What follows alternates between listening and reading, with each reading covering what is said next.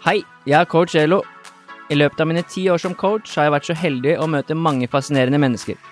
Dette er mennesker som er målretta, og som har en spesiell drive for å bli bedre. I denne podkasten har jeg fått sjansen til å sette meg ned med flere av disse, hvor de deler åpent og ærlig fra sin historie. Her deler de både erfaring og verktøy som er verdifulle for alle som ønsker å skape en forandring i livet sitt. Har du et mål eller et ønske om å forandre noe i ditt liv? Da er denne podkasten for deg.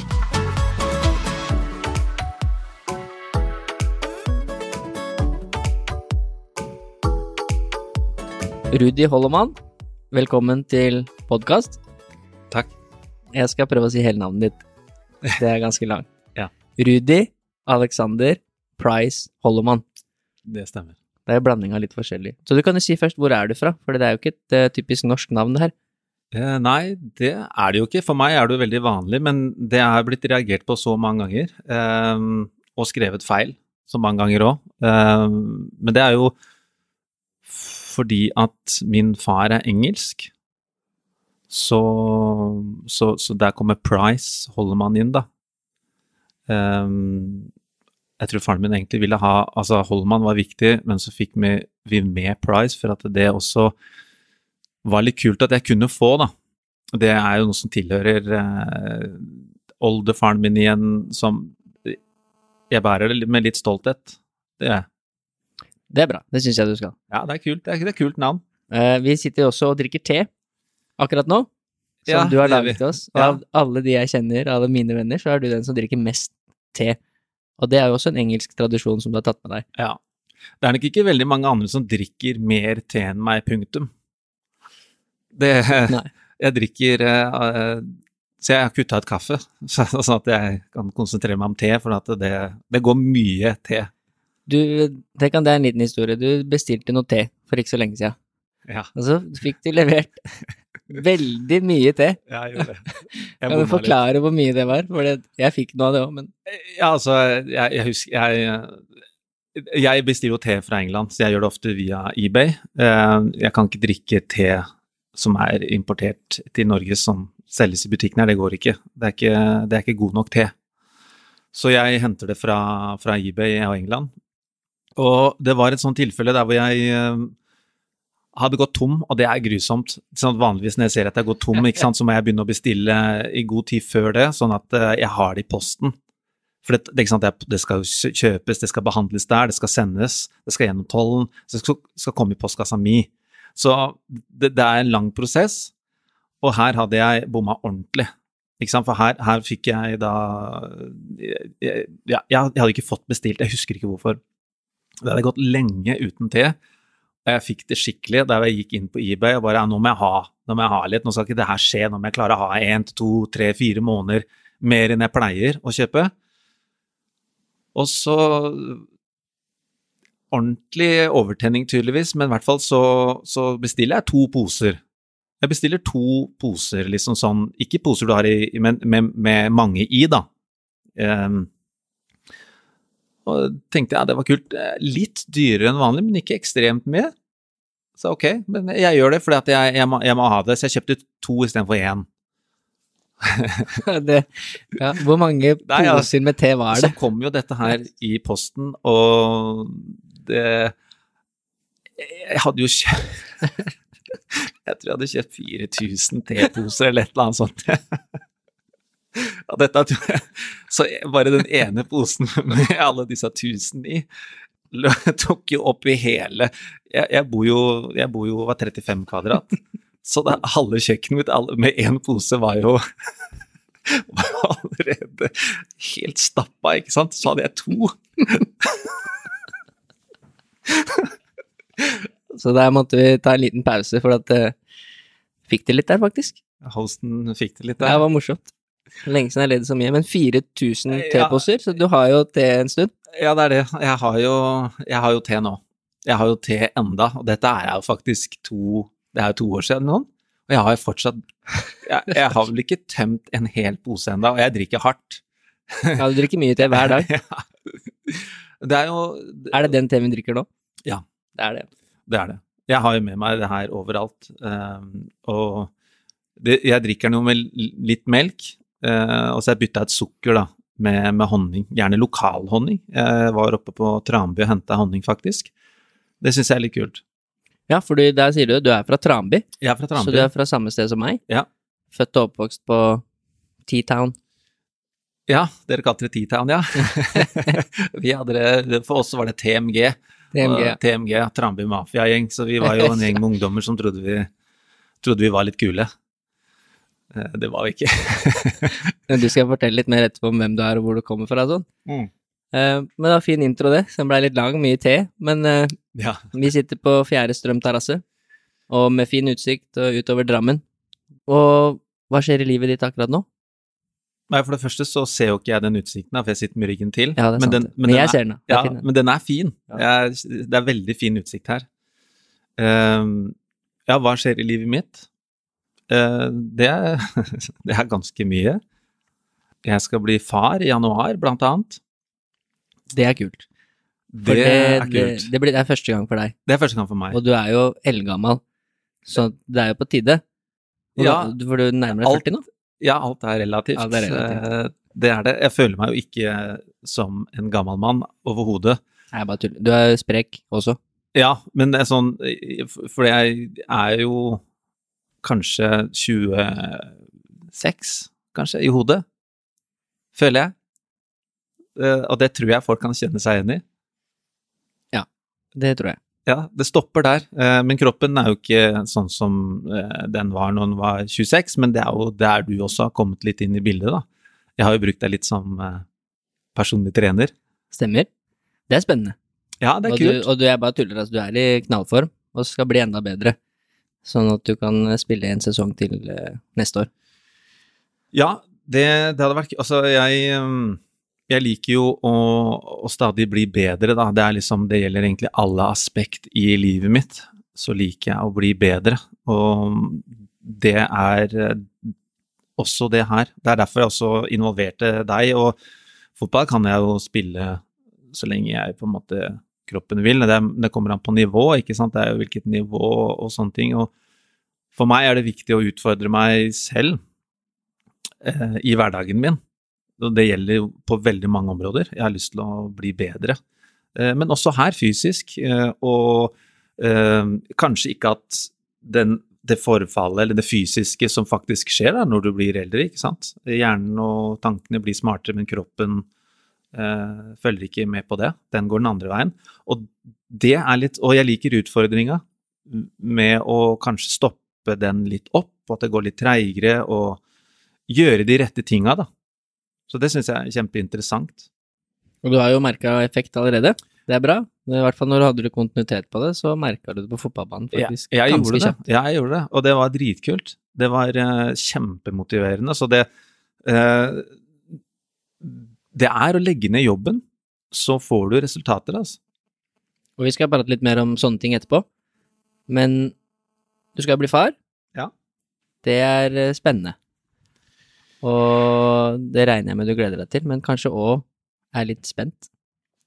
Vet du hva, det å bli far, eh, det setter i gang masse prosesser. Jeg tror det å bli forelder og på en måte eh, det ansvaret og det som kommer med det, det tror jeg gjør noe med alle. Eh, For meg så er det også veldig spesielt, eh, for nå Det er vel kanskje noe jeg har vært litt sånn tøff på, og den har jeg lyst til en dag, og liksom satt det litt sånn foran meg. Men nå, nå skjer det. Og det er veldig, veldig rart, det som skjer, i hvert fall i meg, i forhold til det her. Det er, eh, det er godt det er ni måneder, fordi det er veldig, veldig lite i denne sammenheng. For det, er en, det starter en prosess, altså ikke bare det fysiske, å få ting, da praktiske ting til å gå i orden, og eh, du skal også ta vare på partneren din oppi det hele òg, ikke sant. Kvinner eh, er helt annet lys for meg nå. Jeg har alltid respektert og syns kvinner er flotte, men eh, nå er de også ekstremt sterke. Altså, det, det de må gå igjennom Altså, vi er så heldige, vi gutter, som kan bare gå rundt og bare plante disse frøa og, og, og gå igjen. Mens, eh, mens jentene må sitte med det, det her og kjenne på at eh, altså alt fra morgenkvalme til til eh, hormonubalanse som skyter alt ut i alle rekker, og følelser kan du bare glemme, rasjonelt, altså alt forsvinner ut vinduet der. Det, kjæresten min har grått av de merkeligste tinga, og det er å prøve å møte det og, og, forstå det og se hva som skjer, og at kroppen nå vokser så mye og blir et, et sånt Hun er jo bare en, en, et stort uh, verktøy, eller sånn som bare produserer da et barn inni magen. Det er helt fantastisk å bevitne, og jeg, jeg har fått enorm respekt for jenter som uh, Eller for jenter, kvinner. Så, så, så det her har jo gått opp for meg i den prosessen her, og så er det jo for meg som person òg, og så Det er veldig rart. Jeg eh, Noen ganger kanskje jeg blir utålmodig i, i trafikken, for eksempel. Så kan jeg ta noen sjanser, kjøre forbi sånne ting.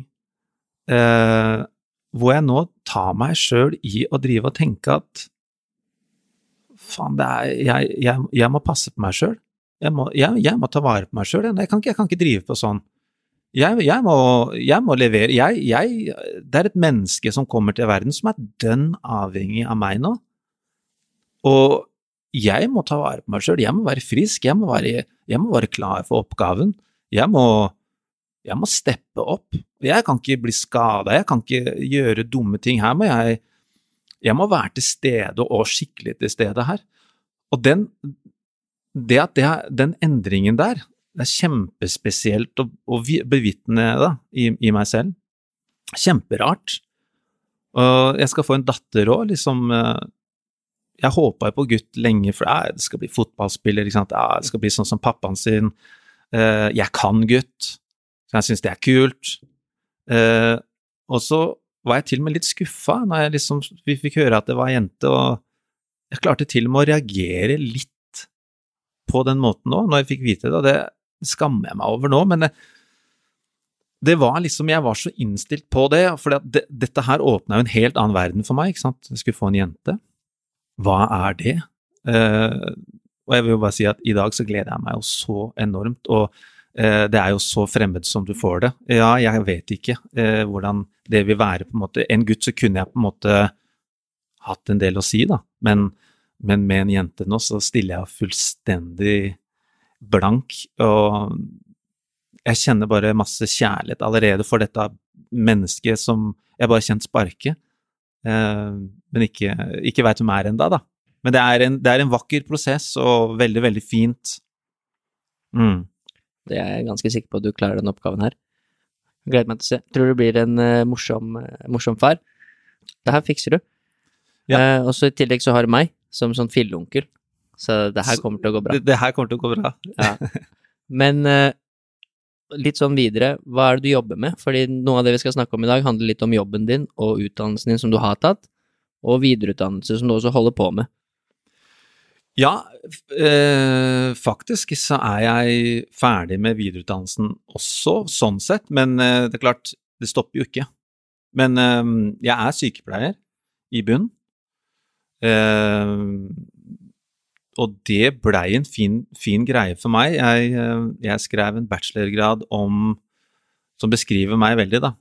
Det var ikke så aktuelt for meg å gå på sykehus og være en sånn type sykepleier, men jeg har alltid jobba i psykiatri, og mennesker fascinerer meg. Jeg elsker mennesker, og spesielt mennesker med sær, særtrekk eller særpreg. Jeg, jeg, jeg, suger jo inn inntrykkene. Det er eh, noe som virkelig gir meg eh, Gir meg noe. Så, så, så, jeg visste at jeg måtte jobbe med mennesker. Jeg visste ikke hva. Jeg utdanna meg ganske seint. Ehm, det er ikke mer enn et par år siden jeg var ferdig utdanna, så jeg begynte jo seint. Eh, og det var jo mange Dette hører jo med til historien min, da, hvem jeg er og alt det her. Eh, men i hvert fall så, så ble jeg sykepleier Eh, fant ut at jeg ønsker kanskje å jobbe med mennesker som er litt motiverte. Så jeg har liksom vært innom forskjellige typer felt innenfor psykiatri, uh, hvor jeg nå endte med å bli det jeg alltid egentlig har hatt lyst til å drive med, og det er jo å hjelpe mennesker og veilede dem, og kanskje da én til én, men også grupper, men altså én-til-én-samtaler, eh, da. eh, som jeg nå gjør, som jeg har en dagstilling nå, hvor jeg gjør det jeg driver med veiledning, og klarer å hjelpe mennesker, faktisk. Så det er veldig givende jobb. Eh, jeg har også tatt en videreutdannelse i noe som heter livsstyrketrening, altså jeg er en livsstyrketrener, da. Og det er en videreutdannelse som eh, dreier seg om å eh, det, er, det, det er å hjelpe mennesker forstå eller oppdage seg selv gjennom at jeg bruker meg selv som et instrument inn i møtet. Så jeg prøver helt til ikke, ikke fortelle deg da, eller personen jeg snakker med, hva eller hvem de er, eller hva historien er, eller hva de nødvendigvis skal gjøre, men jeg undersøker sammen med de, uh, prøver å få tak i hva det er eh, som ligger under der, sammen med de, at teorien er, og noe som jeg også veldig, altså tror veldig på, at hvis du oppdager for deg selv hva, hvordan ting ligger an, eller hva som er hva, så er det mye mer kraftig og mye mer virkningsfullt enn at jeg forteller deg hva jeg ser. Så det er det som er det, det, bruker jeg da veldig inn i denne jobben, da. Så livsstyrketrening, det er, det er mestringsfremmende kommunikasjon, da. Mm.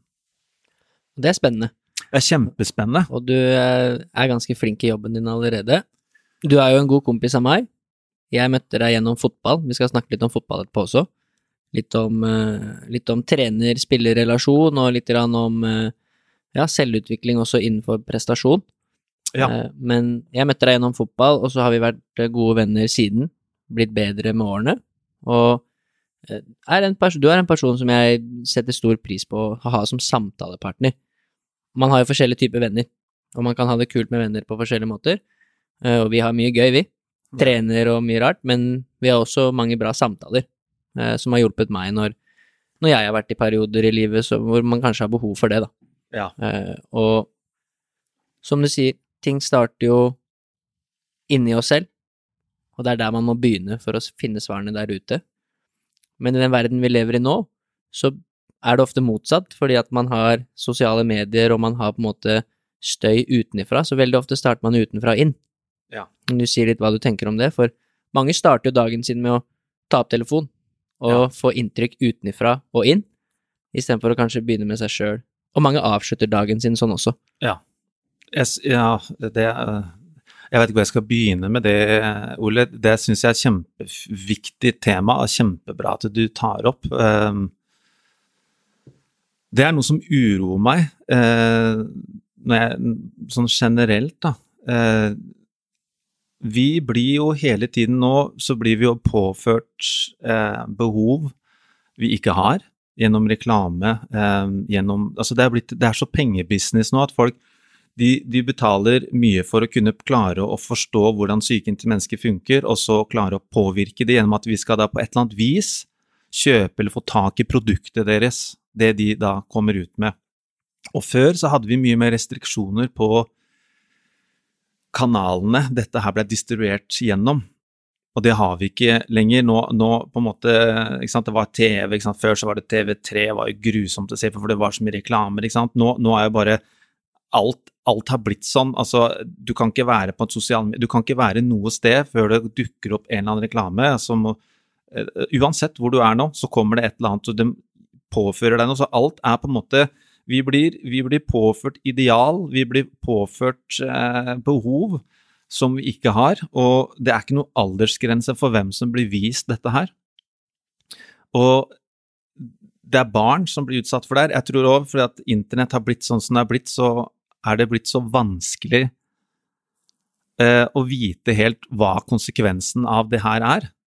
Men vi vet at eksempel eh, det er vanskeligere å være ung jente i dag. altså Spiseforstyrrelser og sånne ting er blussa opp. Det er større selvmordsrate blant unge menn i dag enn det har vært. Så det, og, og det at man blir utsatt og blamert for ting ikke sant? Nå, man, Hvis man gjør en feil i dag, så blir du skikkelig skikkelig straffa for det, potensielt, og spesielt blant unge, for man, man tenker ikke like mye konsekvenser nå i, i dag, eller som ung, da. Så eh, det, jeg, jeg, jeg syns det er veldig, veldig forstyrrende, og jeg, jeg, tenker faktisk en del på det her. Eh, og det jeg ikke liker med det òg, er jo på en måte at vi, vi har veldig, veldig godt av å, å ha kontakt med oss selv. Ikke sant? Stoppe opp, legge bort, kjenne, merke hva er det som foregår. For vi, vi, vi er så veldig i, i hodet, i, i, i, det visuelle, og vi tar inn inntrykk hele tida. Og det visuelle, det vi ser og hvordan vi reagerer, er jo egentlig Jeg tror som for, for meg så er det jo at sånn er vi utstyrt for at vi skulle klare å håndtere og leve videre som art. Så, så skulle du se farer komme, du skulle klare å gjenkjenne liksom sånne ting. Eh, og, en, og, det blir brukt litt mot oss nå, og så er det at vi da ikke klarer å stoppe opp eller ha en Vi, vi skulle vært en undervisning på skolen som, som, lærte de unge nå som et motgrep meditasjon. Sånn jeg, jeg, driver med meditasjon, og det, det, det har vært en, en, det er en redning da, for meg og for, for, mitt indre liv. Så er det helt avgjørende at jeg gjør det. Sånn, vi gjorde det jo nå. Vi gjorde det nå intro, Før vi starta podkasten i dag, så gjorde vi jo det sammen. Kjempefin ting. Eh, intimt på en, på en kompis måte, som er veldig, veldig ålreit. Eh, og det er veldig godt å komme inn og, og, og, og senke seg eh, litt ned, sånn at du kjenner tyngden på stolen, du kjenner tærne dine på gulvet. Du er i kontakt med deg selv, og du har med en dypere intelligens, ikke sant? Du er ikke bare i, i tankene, fordi tankene er også bare et instrument vi har for å hjelpe oss fungere. Du er ikke tankene dine. Du er ikke alt du tenker eller føler, det er bare redskap du har som menneske. Så for meg så er det en dypere intelligens i mennesker som vi nå har kommet fullstendig bort fra, som ikke vi er i kontakt med, og gjennom da meditasjon, da, så, så, så, jeg tenker at det hadde vært noe som skulle vært i skolen, eh, men isteden så den utviklingen som kommer nå, som jeg syns er ekstremt skummel, og det er noe vi alle bør tenke på, er at når, nå, nå, tas jo alt opp, ikke sant, på godt og vondt. At, eh, at eh, denne hendelsen i Black Lives, Black Lives Matter, eh, at det skjedde, og at det ble tatt på film, er jeg veldig glad for. fordi at sånt går ikke an. Vi kan ikke behandle hverandre altså av rase. Det, det er tull. Hudfarge. Det er, altså, det er galskap. Så, så, sånn sett er det fint, men det jeg ikke liker med opptak og det som skjer nå, er at det brukes mot deg. Og er det én ting vi mennesker gjør, jeg, og dette brenner jeg litt for, kjenner jeg snakker om det, er det én ting vi mennesker gjør, så er det feile. Maskiner de gjør ikke feil som regel, men det er menneskelig feil som har ført til mange, noen av de største tragediene. Det er, det er menneskelig feil. Og det er menneskelig å feile. Men det er også menneskelig å komme gjennom det, at jeg feila, jeg så hva jeg gjorde gærent, jeg fikk tid til å reflektere og bli et bedre menneske. Og det er sånn vi også blir bedre mennesker, gjennom å feile. Så du må tørre å feile, sier vi. Det er veldig viktig å tørre å feile. Men hvis du i dag så kan du ikke feile, for hvis du feiler, så får du aldri du, For det første så er det et opptak av det, eller, eller det, er, det, er, det, blir brukt mot deg. Og det er så mange kanaler nå, ikke sant. Før så var det jo så hadde vi jo TV, så var det, det var den eneste mediekanalen. Nå har jo alle en stemme, nå har jo alle noe de skulle si. Nå, nå, nå, kommer det jo fake news, og hvis jeg sier noe som er riktig, så kommer noen andre og sier noe annet, så er det mitt ord mot dems, og så er det ingen som vet hva som er sant lenger. Og det er kjempefrustrerende. Så hvis du nå eh, hvis jeg gjør en feil, så, jeg, så, kan jo dette her bli avspilt flere flere ganger og bli brukt mot meg, som gjør at eh, jeg vil jo ikke gjøre den feilen igjen. Så jeg vil jo ikke tørre å feile, for det var feilen. Og hvordan skal jeg utvikle meg som menneske da, hvis jeg ikke kan feile? Det er jo menneskelig å gjøre det. Så det her er blitt et stort problem, syns jeg, at vi, vi lar ikke vi, Det er ikke rom for å feile lenger. Det er ikke rom for å kunne utvikle seg eh, lenger. På den måten som vi er skapt til å gjøre, da. Fordi det så, altså, så lenge du gjør en feil, og du ser vet du hva, jeg, jeg gjorde en feil, og jeg ønsker ikke å gjøre den igjen, så, så, så, tenker jeg så bra, så lenge, så lenge du ikke har skada noen, på en måte, forhåpentligvis òg, at på en måte det er noen egen erfaring. Men hvis noen har tatt det opp, eller, eh, eller er ute etter å ta det, eller, eller, eller, distribuerer dette her på alle disse ulike kanalene, så er det ute av kontroll. Jeg tror, vi, jeg tror det kommer til å gjøre noe med oss som samfunn, og på sikt så tror jeg ikke det her er bra i det hele tatt. Og folk kommer til å ha det mye vanskeligere, og spesielt de unge. For oss nå som er litt eldre og uh, hadde ikke internett på samme måte når vi var barn, men de som vokser opp nå, hva skjer med de, og hva, hva skjer med barna dems? Og hva skjer med barna dems igjen, liksom hvis ikke vi snakker om det her, da. Så det her tenker jeg, det her tenker jeg mye på, da. Ja, det er fint, og eh, det er jo litt sånn du sier, man er litt redd eh, i dag, er i hvert fall mitt inntrykk, i å være i egne tanker. Eh, og det ser man jo gjennom handling hele tiden, hvis man tenker seg om. Altså hvis du er på en restaurant, så kan du se par sitte på restaurant, eller venner, men de sitter på hver sin telefon, for eksempel. Mm. Eller du ser uh, at noen skal ta bussen, de rekker den ikke, og så må de vente, Mm. og det første de gjør er å ta opp telefonen. Mm. Og man tar den med på do, og, og jeg er jo selvfølgelig en av de som også må tenke meg om når det gjelder tingene her, Mm. Men man klarer ikke å være alene i egne tanker, og man, må man blir liksom avhengig av å få noe input hele tida. Mm. Så man klarer ikke å liksom sette seg ned uten å få noe liksom fra PC-en, eller fra mobilen, eller fra nettbrettet, eller fra TV-en. Eh, og det syns jeg var litt skummelt, for da mister man seg sjøl litt, tror jeg. Da er man, som du sier, man er jo ikke helt i kontakt med seg selv, da. Mm. Det er vanskelig, så eh, Noen tips fra deg, da. Hva tenker du er lurt? Meditasjon er jo én ting, Mm. eh, for eksempel, eh, for å få litt mer kontakt med seg sjøl, klare å koble litt av. Men hvilke andre typer tips kan du gi som er veldig enkelt, da, som ikke nødvendigvis er vanskelig, en, som en start, da? Hvis man ønsker å få kobla litt av, klare tankene sine litt, og Ja, altså, legg merke til at du gjør det liksom sånn Før så sto vi faktisk den tida og venta på bussen. Før så, så gjorde vi jo det. Før så satt vi og prata, eller var stille sammen. Fy fader, det er jo en kunst. Altså, har du vært stille sammen? Er det, har du noen du kan være stille sammen med? Som du ikke trenger? Du trenger ikke å prestere, du trenger ikke å gjøre eller være, det bare være stille sammen med noen. Det er, det, det er vakkert, ikke sant? Det er helt nydelig å kunne være stille sammen med noen. Eh, og det, den roen som kan komme ut av det, og den, den, den Så nært det kan være, selv om man ikke snakker, det, det blir jo litt borte, ikke sant? Det blir jo borte, og vi lever jo sånn, gjennom skjermen i, i, på forskjellige kontoer, forskjellige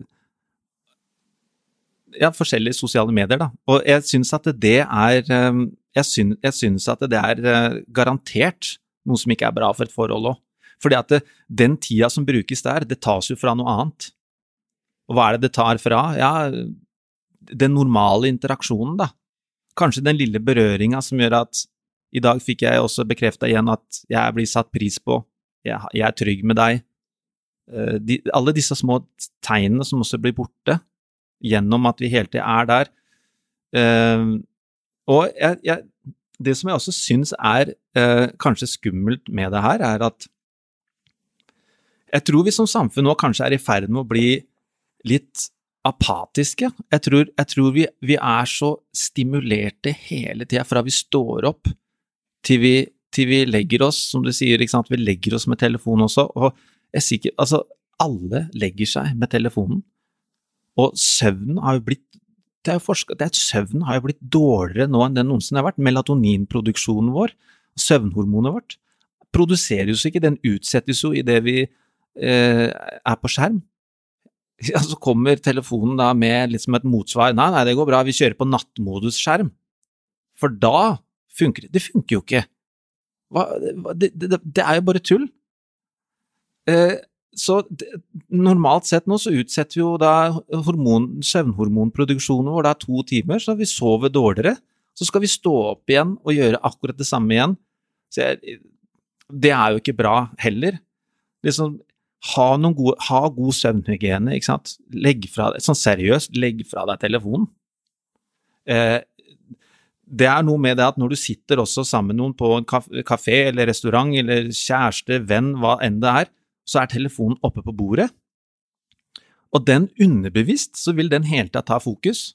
Den vil hele tida gjøre noe med møtet til den som ser telefonen, og den som er eieren. Mens ute av syne, ute av sinn er faktisk noe som er sant. Ute av syne så er det også ute av sinn. Som, så vi må, vi må aktivere oss igjen og gjøre det vi gjorde før. Og, og på en måte, det var absolutt ikke gærent det vi gjorde før, eh, å ha disse interaksjonene. Og igjen, hvis vi drar liksom konsekvensen lenger, hva skjer med barna våre som skal, som, som skal gå på elektriske sånn skateboard, holdt jeg på å si, til alle de, Nå har jeg glemt hva det heter, jeg har jo brukt dem sjøl. Sparkesykler og ja, Elektrisk sparkesykkel, ikke sant. Sånne type ting hvor du gjør det. De, de Interaksjonen deres er De sitter på skjerm hele tida.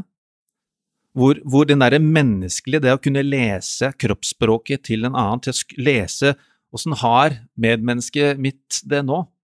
Hvor du på en måte Alle blir så sløva og apatiske til slutt at vi, vi klarer ikke å kommunisere vanlig. Og jeg tror ensomheten kommer til å bare vokse i, i oss som mennesker. Vi er jo flokkdyr, men vi oppfører oss ikke som det lenger. Det har vi jo ikke gjort på mange hundre, mange år, men dette er et kjempestort steg til ut og vekk fra det. Gjennom at vi bare bruker det, vi blir apatiske, og det spres bare informasjon overalt, at folk bare blir sløve, og det tror jeg også eh, blir utnytta av kyniske Altså alt mulig. Eh, jeg tror politikken, det som skjer i statene, og at Russland har vært involvert og alt sånt, det kan jeg ikke mene, eller jeg kan ikke legge meg For det vet jeg jo ikke, men det, her er det ting som skjer bak kulissene som vi bare blir ordentlig villeda, tror jeg. Og, og, og, mye av det dreier seg om dette her, da. Alt det som blir pøst på av inntrykk, at vi blir bare så mett at det, det, som virkelig er, som gjelder i livet, det som er viktig for oss, forsvinner litt i dette her. Det er det jeg tror skjer nå, og det tenker jeg jo, tenker jeg jo litt på. Ja, det er flere som tenker på. Og jeg har jo tatt meg sjøl i det, spesielt de siste par årene, at jeg prøver så godt jeg kan å, å, sette meg selv i en så god situasjon som mulig. Som for eksempel at når du skal ut og spise med venner, eller bli invitert på middag, så tar du ikke med telefonen, mm. eller du lar den ligge i bilen, for eksempel. Mm. Fordi bare da så setter du deg i en bedre, bedre, situasjon. Det er enklere å være til stede. Mm. Uh, og det samme hvis du skal legge deg, ha telefonen i stua, da, eller et annet rom. Kjøp deg en vanlig vekkerklokke, hvis det er det som er unnskyldningen at du må ha vekkerklokke. Fordi du trenger strengt tatt ikke å ha den der. Og dette vet man jo mye om med idrettsutøvere som jeg jobber med osv., så, videre, så prøver man å jobbe litt med søvn, med skjermtid og alle sånne type ting. For dette det vet man gjennom forskning påvirker, som du sier, blant annet melatoninproduksjon, mm. som gjør at søvnen din blir dårligere, mm. eksempelvis. Eh, og det er mange av disse tingene som, som man hører om hele tiden og sånn, men, men prøver, man må prøve å finne noen tips som kan funke, da. Ja. et sted man kan begynne. Ja. Fordi man hører hele tiden 'nei, prøv å meditere', prøv å sette på nattmodus, prøv å kjøpe deg sånne blue light blocking glasses og alt det her. Men man, man må starte et sted, da. Prøve å få noen gode rutiner på det. Så mine tips er i hvert fall eh, ikke ha med deg telefonen når du møter folk som du er glad i, som du vil være med, og ikke ha den inne på soverommet ditt, eksempelvis. Og mm. jeg klarer ikke det, jeg er ikke feilfri, jeg, altså. Langt ifra. Men jeg prøver å tenke på det så godt jeg kan. Og det hjelper, syns jeg, da. For du blir satt i en bedre situasjon. Det, det, dreier seg i hvert fall ikke sant, i starten om en bevisstgjøring, ikke sant. Bevisstgjøring at det er sånn det skjer. Se hva du gjør, ser du, hvor ser du uvanene dine, ikke sant. Bli, bli, bli klar over dem. Eh, for sånn er det jo med alt. Hvis du ikke er klar over det, så kan du absolutt ikke gjøre noe med det. Og det er veldig viktig at det er bevisste eh, intervensjoner, for da kan det også bli noe som varer over tid, og bli en rutine, en god rutine, en som bryter litt opp med alt det der som skjer nå. Så det er, det er kjempeviktig eh, å ha og følge med, da. Ja, og vi skal, vi skal snakke litt mer om det du sier med å, å bli klar over at det er kanskje noe som burde forandres, mm. eller noe som er der som du ikke vil at skal være der. Eh, og det er noe du har jobbet veldig mye med, eh, de, spesielt de siste årene. Eh, du har brukt mentaltrener, og du har brukt mye tid på å forstå din egen historie, og du har tatt noen oppgjør med mennesker i ditt liv osv. for at du skal forstå mer om deg selv, mm. og for å kunne være i den posisjonen som du er nå, hvor du faktisk kan hjelpe andre mm. gjennom at du har forstått deg selv. Mm. Uh, og det er noe jeg syns er veldig interessant. Ja. Så vi skal litt tilbake og starte litt, litt med fotball, egentlig. Ja. Uh, for du er jo du er fremdeles fotballspiller. Ja. Men før så var du jo en profesjonell fotballspiller, i hvert fall så å si. Og det har jeg sagt før, men og for de som kjenner deg og som hører på podkasten, så tror jeg de fleste er enige om at når du var på ditt beste, så var du fryktelig god. Uh, og en av de beste spillerne jeg har spilt med. Og jeg har faktisk spilt med noen som har vært ganske gode. Eh, men du, du, faller litt i den derre at du hadde kjempestort potensial. Du kunne blitt skikkelig god, hvis sånn og sånn og sånn. Du er litt i den kategorien, syns jeg, da. Mm. Eh, du fikk på en måte ikke ut potensialet ditt sånn ordentlig. Eh, og du har noen klare meninger om hvorfor. Mm. Eh, og det handler ikke nødvendigvis om ferdighet, men mest Eller jo, på en måte ferdighet, men ikke fysisk ferdighet, men mer om det mentale, da. Mm. Og vi skal snakke litt om trenere og sånn oppi det her også, men hvor vil du begynne med den, med den eh, reisen her? Deg som fotballspiller. For det har betydd mye for deg, og gjør fortsatt. Ja, veit du hva, jeg, jeg ser, og det er ikke før nå de seinere, kanskje siste to åra, hvor jeg forstår helt og fullt hvor viktig fotball har vært for meg. For det er, ikke sant du, du, Jeg kjenner menn som sier ja, det er eh, elleve stykker som eh, Eller kanskje to, da, 22, som løper etter en ball. Hva er greia med det? Eh, og det er så sinnssykt mye mer enn det, og det, er, eh, det har vært så utrolig for meg viktig eh, å ha den arenaen å kunne utvikle meg på. Og eh, i det momentet også skjønte jeg òg hvor viktig det er Nå skjønner jeg hvorfor at det er så mye idrettstilbud for barn. Fordi at barn kommer jo til å finne noe å gjøre, for det er det barn gjør best. Og hvis de får en god start eller en god retning i livet, at de begynner der, og så får de venner som har samme tankegods og samme type tanker og ønsker, så drar man i samme retning og drar lasset sammen og lærer seg å dra lasset i en sånn retning, og så plutselig har du lyst til å utvikle deg videre eller fortsette å bli proff eller hva det er, eller ikke. Så stopper du som 13-14-åring, men da er allerede grunnlaget lagt på at eh, du liker denne type ting, og at du er blitt vant til å synkronisere tankene dine med likesinnede. Og hvis du som barn ikke har det idrettstilbudet, så kanskje du velger å begynne med kriminalitet, finner gjengen din, finner tilhørigheten din, og synkroniserer deg sammen med de, og drar lasset sammen med de og utvikler deg bare at det er en kriminell retning, så blir du god innen det. Og så er det prestisje innad i det miljøet enn å bli en av de beste i det, så du blir en bedre kriminell fordi du vil ha status innafor den gjengen. Så jeg skjønner nå hvor viktig det er at vi har alle de tilbudene, at barn har noe å gå til, og som er sunt, en sunn ting som de kan utvikle seg innunder, for det er det barn gjør, de vil utvikle seg. Og de vil opp og fram, og de vil lære. Så for meg så blei fotball så viktig for at jeg, eh, jeg fikk den arenaen å utvikle meg på. Eh, jeg fant tidlig ut at eh, det her Jeg var et naturtalent. Jeg hadde bra fysikk, og jeg hadde det som skulle til for å være en god fotballspiller, da, uten tvil. Eh, og jeg kunne absolutt ha nådd jeg, jeg, aner egentlig ikke hvor det kunne ha gått sånn i en ideal verden, hvis jeg hadde levd om igjen og kanskje, kanskje jeg hadde bytta ut, eh, sett foreldrene mine da, med noen som var gode på det de ikke var gode på. Eh, jeg er veldig glad i foreldrene mine, og de er veldig glad i meg, eh, men akkurat sånn prestasjonsmessig å klare det å, å bygge det robuste, den psyken til å gjøre det, der Der kunne de kanskje gjort en bedre jobb, da. Som kunne utrusta meg bedre. Eh, I dag så kanskje det er bra, for da hadde jeg ikke blitt den jeg har blitt. Så utviklinga jeg har hatt, og det jeg har gjort eh, Jeg tror ikke jeg ville hatt noe annerledes heller. Så det er helt greit. Men det, var, det, har, det, var, eh, det, var, eh, det, har vært litt utfordrende for meg, det der eh, å kunne akseptere, og det, har jeg vel egentlig alltid gjort, men det, at jeg kunne kanskje blitt, blitt noe skikkelig noe innen fotball, det kunne jeg blitt, men på grunn av eh, psyken, eller ja, de psykiske forutsetningene, så så klarte jeg det ikke, og det dreide seg veldig mye om press når det blei press, og det å prestere under press for min del. Det var veldig, veldig vanskelig eh, å gjøre. Mye frykt. Veldig, veldig, veldig mye frykt. Og selv følelsen Spørsmål om er jeg, er jeg god nok? Er, det, er, er jeg egentlig det? Er dette bare et blaff? Klarer jeg å gjenskape det? Liksom Eh, jeg var nok veldig avhengig av å bli tatt litt under vingen. Jeg, jeg, jeg satsa jo ikke fotball før jeg var 22 år, tror jeg.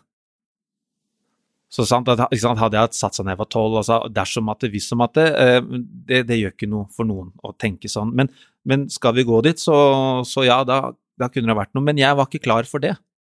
Jeg, jeg kunne ikke det. Jeg kunne ikke starte å satse før jeg var 22. Så der hadde jeg gått glipp av veldig mye sånne elementære ting som er veldig viktig å huske eller få med seg i den prosessen når du går gjennom akademi og den veien opp. Det gikk jeg glipp av. Så det, det var litt sånn kjipt, uh, kjip oppdagelse på en måte å se det etter hvert. Og det, det blei noe som blei brukt mot meg og påpekt uh, når jeg kom opp i nivå.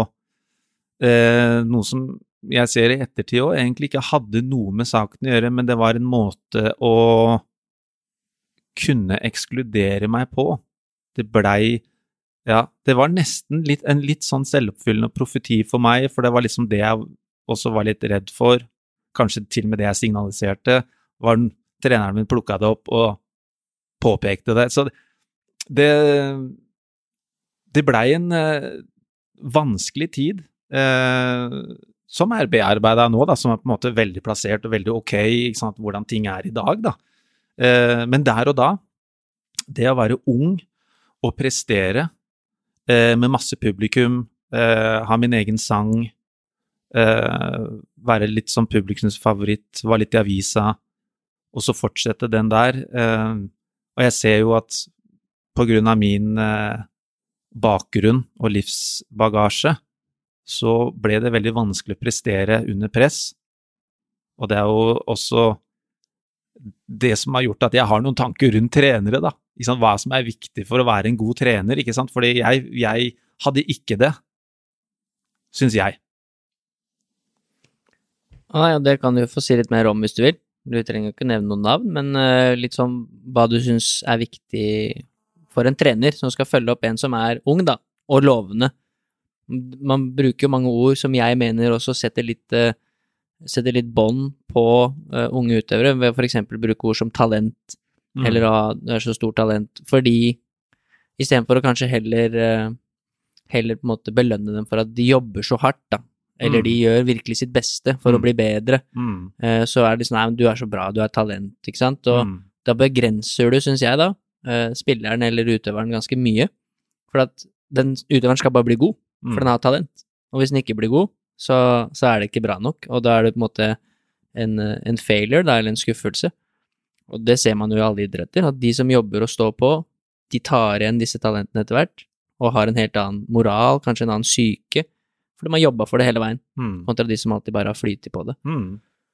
Uh, så si litt hva du mener med det med trener, hvorfor det var viktig. Du har jo sagt uh, før, som jeg husker godt, at du måtte være godt opp i 30-årene og spille i fjerdedivisjon før du syntes det var komfortabelt å ta straffer. Mm.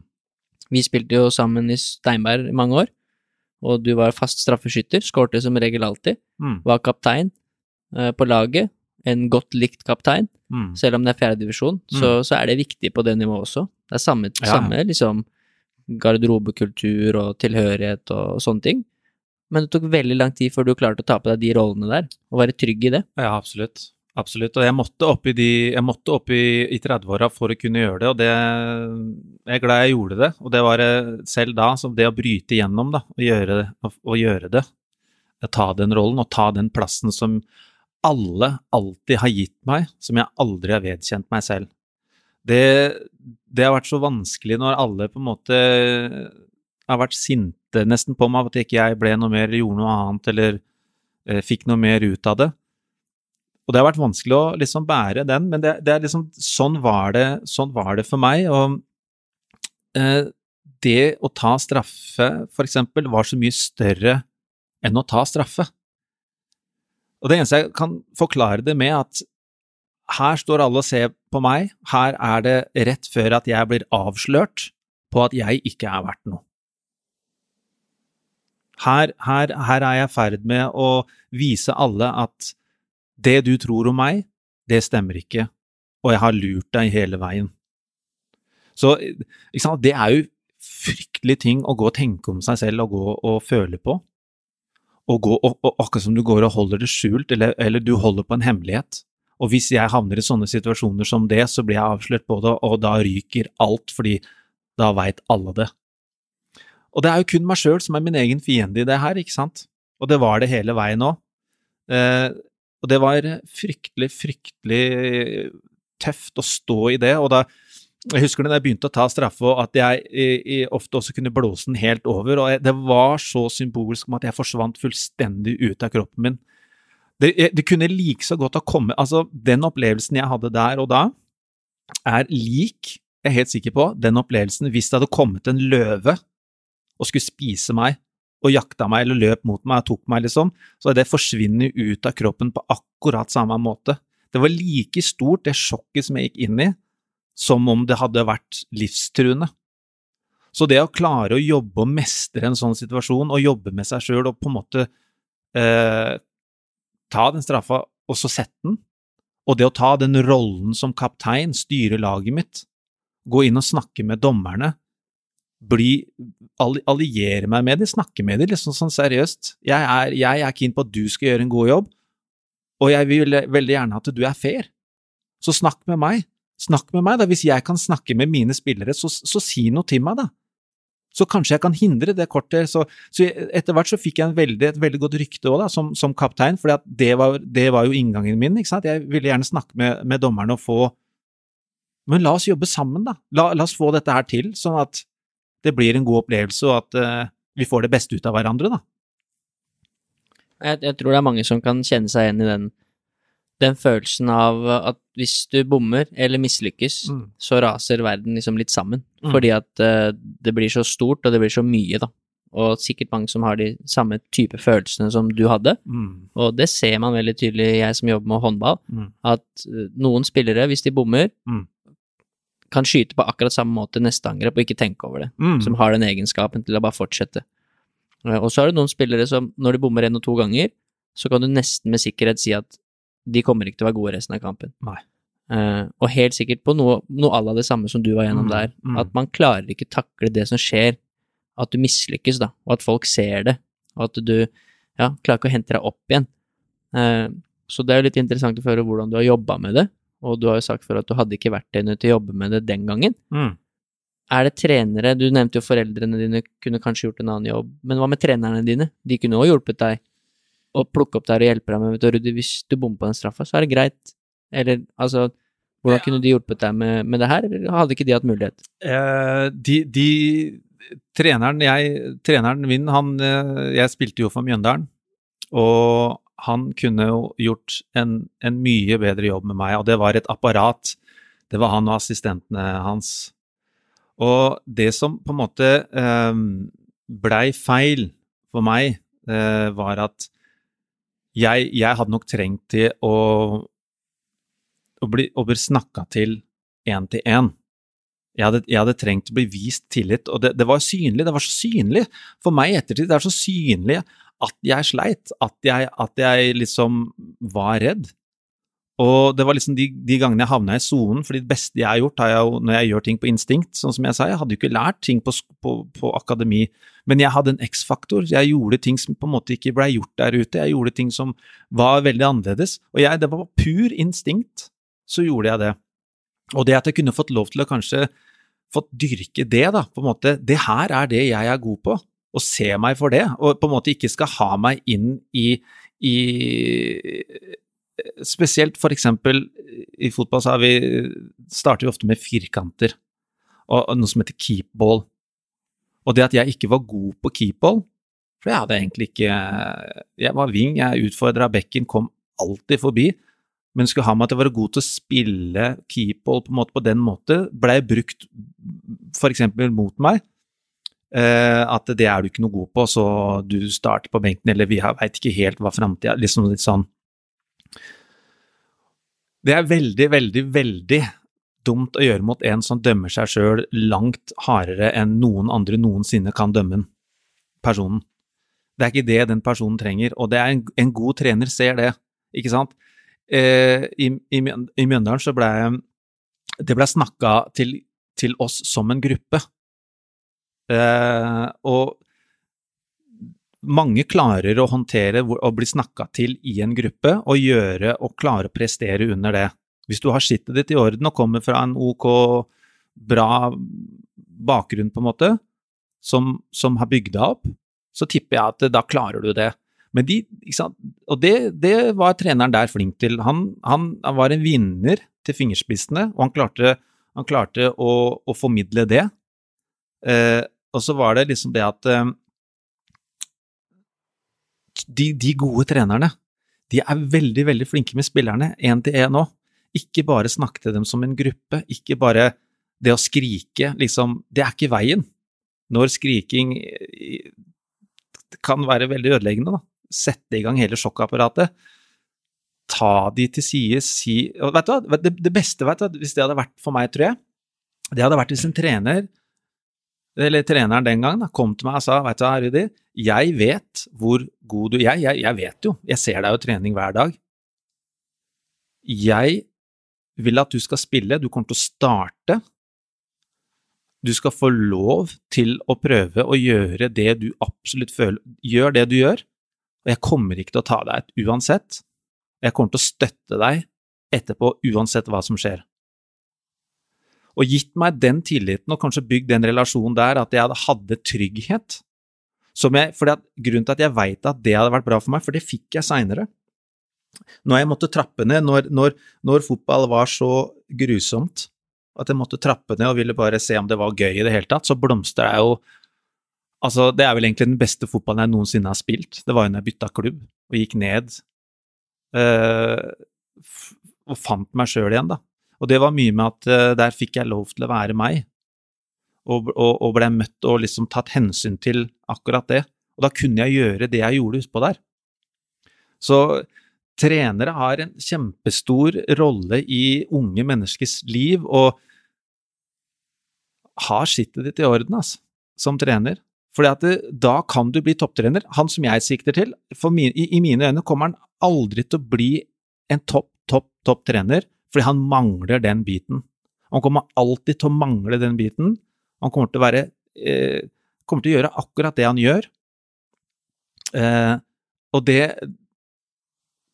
Hvis eh, som trener liksom ta tak i den biten nå, se hele mennesket, liksom eh, Snakk med dem.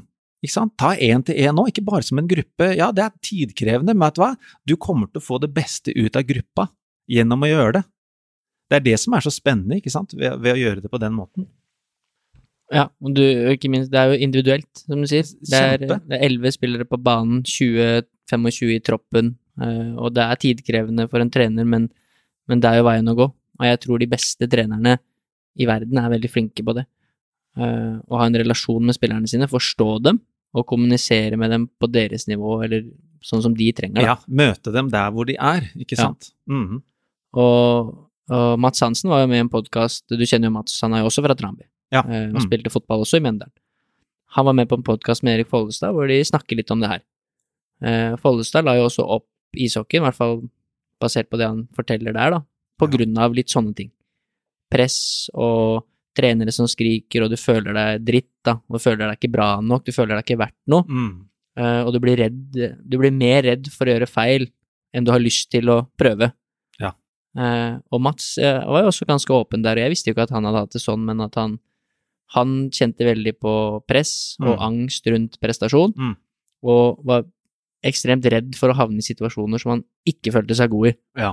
som for eksempel å få ballen feilvendt, og ville på død og liv liksom unngå å havne i den situasjonen. Og da tror jeg ikke man utvikler seg så mye hvis man går rundt og har de følelsene og tankene, da. Istedenfor kanskje å ha en trener som sier at prøv å ta en feilvendt, hvis du mister den, det er greit, hvis du jobber med det, på en måte, da. Og det er jo litt grann det samme. Uh, og jeg tror det er veldig mange som kan kjenne seg igjen i det. Mm. Den følelsen og den relasjonen med treneren som du snakker om nå, da. Ja, det, absolutt. Og det har blitt tatt til sides der og prata med. Og på en måte det, hvis, hvis, du, hvis, du, på en måte, sånn som han beskriver da, det med Mats, da, at han uh, ikke ønsker å få havne i situasjoner som er sånn, det er jo veldig begrensende. Og Det var jo også sånn i den, i den tida der òg, hvordan eh, liksom jeg fikk ballen høyt oppe. Ikke mist ballen! og det, det, er ikke må, ikke sant, fra sidelinja, fra, fra, treneren. Ikke mist ballen! Eh, så det er jo ikke det du står og tenker på, ikke mist ballen. Men det, jo, det blir jo plutselig en underbevisst beskjed òg. Altså, ikke sant? det er jo en veldig spesiell måte å skal få det beste ut av folk, og så rope det. Eh, det blir jo nesten til at du mister ballen, for det, det, det, er jo beskjeden som kommer. Veldig rar måte å møte på. Så trenere har det, det er enkle grep da, som trenere kan gjøre, tror jeg, for å få det beste ut av folk. Og det Vis de til et snakk med de, og på en måte bli kjent med hver enkelt. Hva er, hva er, som, hva er triggeren her, og hva er, eh, hva er motstanden? Prøv å hjelpe. Gjør, gjør jobben. Legg ned jobben på forhånd, da. Det er en oppfordring til alle trenere der ute å, å gjøre den jobben der. Og, og da har du på en måte Da har du sagt litt om en trener sin rolle, Mm. og hvor viktig det er for treneren å, å klare å se alle de forskjellige individene, da. Mm. Og forstå dem, prate med dem, og hvordan han skal trigge de forskjellig. Fordi alle har, som du sier, forskjellig bagasje med seg, og forskjellige tilnærminger til hvordan de skal Mm. prestere. Uh, men hvis vi tenker på spilleren oppi det her, da. Hvis du er 18, 19, 20, 21, 22 år, satser, eh, kan det være lurt for en spiller For jeg kjenner mange som jeg har trent, jeg trener jo en del toppidrettsutøvere, som Mm. bruker mental trener. Ja. Og jeg vet at det er mange som får mye ut av det. Og min mening er at jeg syns alle burde ha det, men det er jo noe man må ønske selv. Det er jo mellom spilleren og den mentale treneren. Eh, Men jeg synes at alle burde ha det, Mm. fordi at det å prestere på så høyt nivå, prestere uansett. Mm. Det kan være like viktig for deg å prestere i tredjedivisjon som det er for en å prestere i tippeligaen. Ja, absolutt. Du kan ha de samme følelsene, og det kan være like kjipt å bomme og mislykkes der, Ja, ja. hvis du er 17 og satser og vil opp til andre, da, Mm. eller opp til første. Mm. Uh, og det å klare å sette litt sånn uh, system på tankene dine, og hva som egentlig skjer, hvordan du kan jobbe noe med det. Mm. Eh, og det kom ut en sak i TV 2 for ikke så lenge siden om Sinkernagel, Mm. som spiller i Bodø-Glimt. Som jeg syns er den beste spilleren i Tippeligaen. Ja. By far. Ja. Uh, og han sier jo det at han har brukt mental coach ganske lenge nå, og han mediterer, og det er det som har fått ut potensialet hans. Mm. Han har alltid hatt ferdighetene, han har alltid vært god til å drible, rask, og hatt liksom litt det, hva skal vi si, naturtalentet på fotball. Men det har klart å sette på plass liksom at han er rolig i situasjoner, at han, hvordan han reagerer hvis han bommer, det at han ikke mister huet på dommeren osv. Det er det som har fått ut hans potensial. Det syns jeg Mm. var en spennende artikkel, Mm. og jeg veit at du også har lest den. Mm. Så hva tenker du om, om, om det temaet her? Det er kjempeinteressant, da. Eh, igjen, bare litt tilbake til treneren. Altså, det er veldig viktig at eh, treneren også, ikke sant, for det, det, det er jo et samarbeid. Vi er dønn avhengig av et samarbeid. Det er unge mennesker som regel som skal slå igjennom. Eh, ikke kjenner seg sjøl sånn som man gjør når man blir eldre. Det er bare sånn er det jo. Man, man blir gjerne kjent gjennom disse opplevelsene. Men idrettskarrierer er jo ofte ikke så lange, ikke sant. Så hvordan, hvordan få det ut? Så trener også liksom spør Prøv å finne ut hva, hva er det du trenger. Hva er det, hva er det du trenger for at du skal fungere i gruppa og, og gjøre oppgavene der, og få ut det lille der som gjør deg spesiell ute på banen? Hva er det som skal til? Hvordan bør jeg snakke til deg? Tåler du at jeg roper og skriker, for jeg også ble engasjert? Tåler du det? Eh, er det noe jeg bør tenke på i forhold til deg? Som, som, sånn at eh, treneren også legger til rette for, at, for oppdagelsen da, for seg sjøl, at hva er, hva er viktig der, og også at spilleren også, da til spilleren, at han også, eller hun, sier noe om blir oppfordra til å undersøke og finne ut hva er det som gjør at jeg havner Når jeg er god, hva er det? Undersøk det, liksom dyrk det litt. Hva er det som gjør at det er Når presterer jeg bra? Hva er det? Er jeg, er det sint? Er jeg sinna? Er jeg inspirert? Er jeg glad? Og prøve å gjenskape de situasjonene, da. Så, og, og, og, i samarbeid med en god trener, da, så kan man på en måte få det beste ut av hverandre. ikke sant? At han sier de rette tinga, akkurat det du trenger for at du skal klare å gå ut og yte det ekstra. Så det er et samarbeid som er kjempeviktig. Og så er det sånn for unge, da, klare å kan få fatt på hva er, det, hva er det som får meg til å tikke, liksom? Hva er, det, hva, hva er det som får meg til å prestere? Og det er jeg For veldig mange spillere er jo veldig flinke til å analysere alt det de har gjort feil. Ja. Det er min i hvert fall erfaring med de jeg har jobba med, Ja. det er de ekstremt Mennesker generelt Ja, ja. da, veldig flinke til at uh, hvis du har gjort uh, skåret ti mål, så husker de de to gangene du bomma, og du ikke skulle bomma. Ja. Men de beste spillerne er jo veldig flinke til å liksom Dette var bra, og dette må jeg gjøre mer er av, og når jeg, gjør, ja, når jeg gjør dette, så er jeg god. Og så, etter det, er det kanskje én ting som jeg kan jobbe med, som ikke var så bra. Men at man fokuserer også Man vet hvorfor man var god. Ja, det, jeg synes det er kjempeviktig poeng, og det tror jeg er veldig viktig for, eh, for spillere, på en måte. Eh, hvis du skal hvis du skal gå gjennom hva du ikke fikk til, fordi at du bruker det i det formålet at du skal bli bedre og ikke gjøre det igjen, så sett at du skal finne fem ting du kan forbedre. For det første, ikke døm det sånn at eh, fy faen så ræva jeg er, dette var helt Ikke sant? Det skaper ikke vekst. Men vær klar over sånn at du kan bli bedre. Men hvis du skal finne fem ting, eller ha fem ting som fokus, så skal du like, så må du ha balanse i regnskapet. Da skal du også dra opp fem ting du gjorde bra. Kanskje til og med sju. Sju ting du gjorde bra, fem du ikke gjorde så bra. Kanskje til og med ti. Sånn at fokuset hele tida er det positive, og hva du fikk til. Sånn at det er lystbetont. Vi er helt avhengig av, av det. Og det å få tak i hva er det som trigger meg, hva er det jeg kan si til treneren, hva er det jeg kan gjøre i en relativt ung alder for å prestere. Meditasjon er jeg Jeg kan ikke få sagt nok hvor viktig det er for mitt liv, og hvor viktig det har vært. Det er bare Det er endrende på et daglig plan, og det er uts ferskvare som bare det. Du kan ha vært god i to måneder og ikke gjort det en uke før kamp, så har det ingenting å si. Men hvis du gjør det den siste uka, har gjort det to måneder og en uke hver dag, så stiller du eh, med en helt annen ro og en bevissthet. Og det er, det er utrolig, utrolig viktig, syns jeg, for meg, da. Og så, kanskje som ment mental trener, ikke sant. Igjen så syns jeg å se i Norge at vi er så opptatt av å, å fremstå som vellykka, vi skal ikke trenge hjelp utenfra eller sånne ting. Sånn som det hvis du bruker psykolog, å, å ja, bruker psykolog, ah, okay. har du problemer da? Istedenfor å se på det som wow, fantastisk, du ønsker å ta tak i situasjonen, du ønsker å bli bedre, du ønsker å forstå, og så klare å gjøre situasjonen din bedre.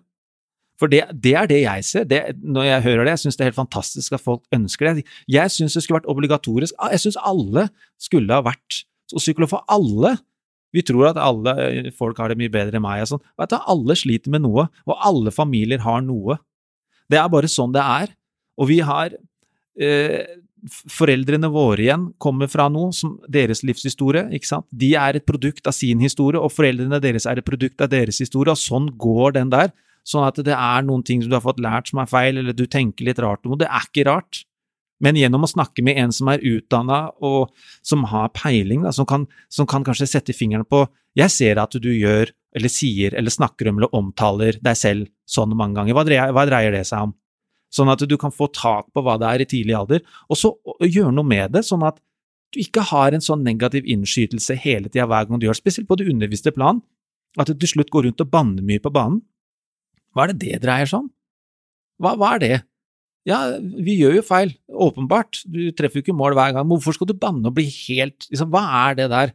Og det er det igjen, sånn som du sier, de beste. Jeg tror som for eksempel, la oss ta Messi og Ronaldo, da, bare som fotballspillere. Det er mange du kunne valgt her, men la oss si de to. Jeg jeg har sett Ronaldo bomme så mange ganger, og jeg, det er akkurat som han egentlig nesten samler på ganger han bommer, framfor at han blir sint, hvis du skjønner jeg mener. At han, han blir bare mer gira på å treffe det neste skuddet, han. Han prøver bare enda hardere, fremfor å bare resignere helt og bare Ok, jeg er søppel, jeg skal ikke gjøre det her igjen, sorry, folkens. Han rekker ikke hånda i været, han da. Han står fram, han går fram. Han skal, han skal treffe.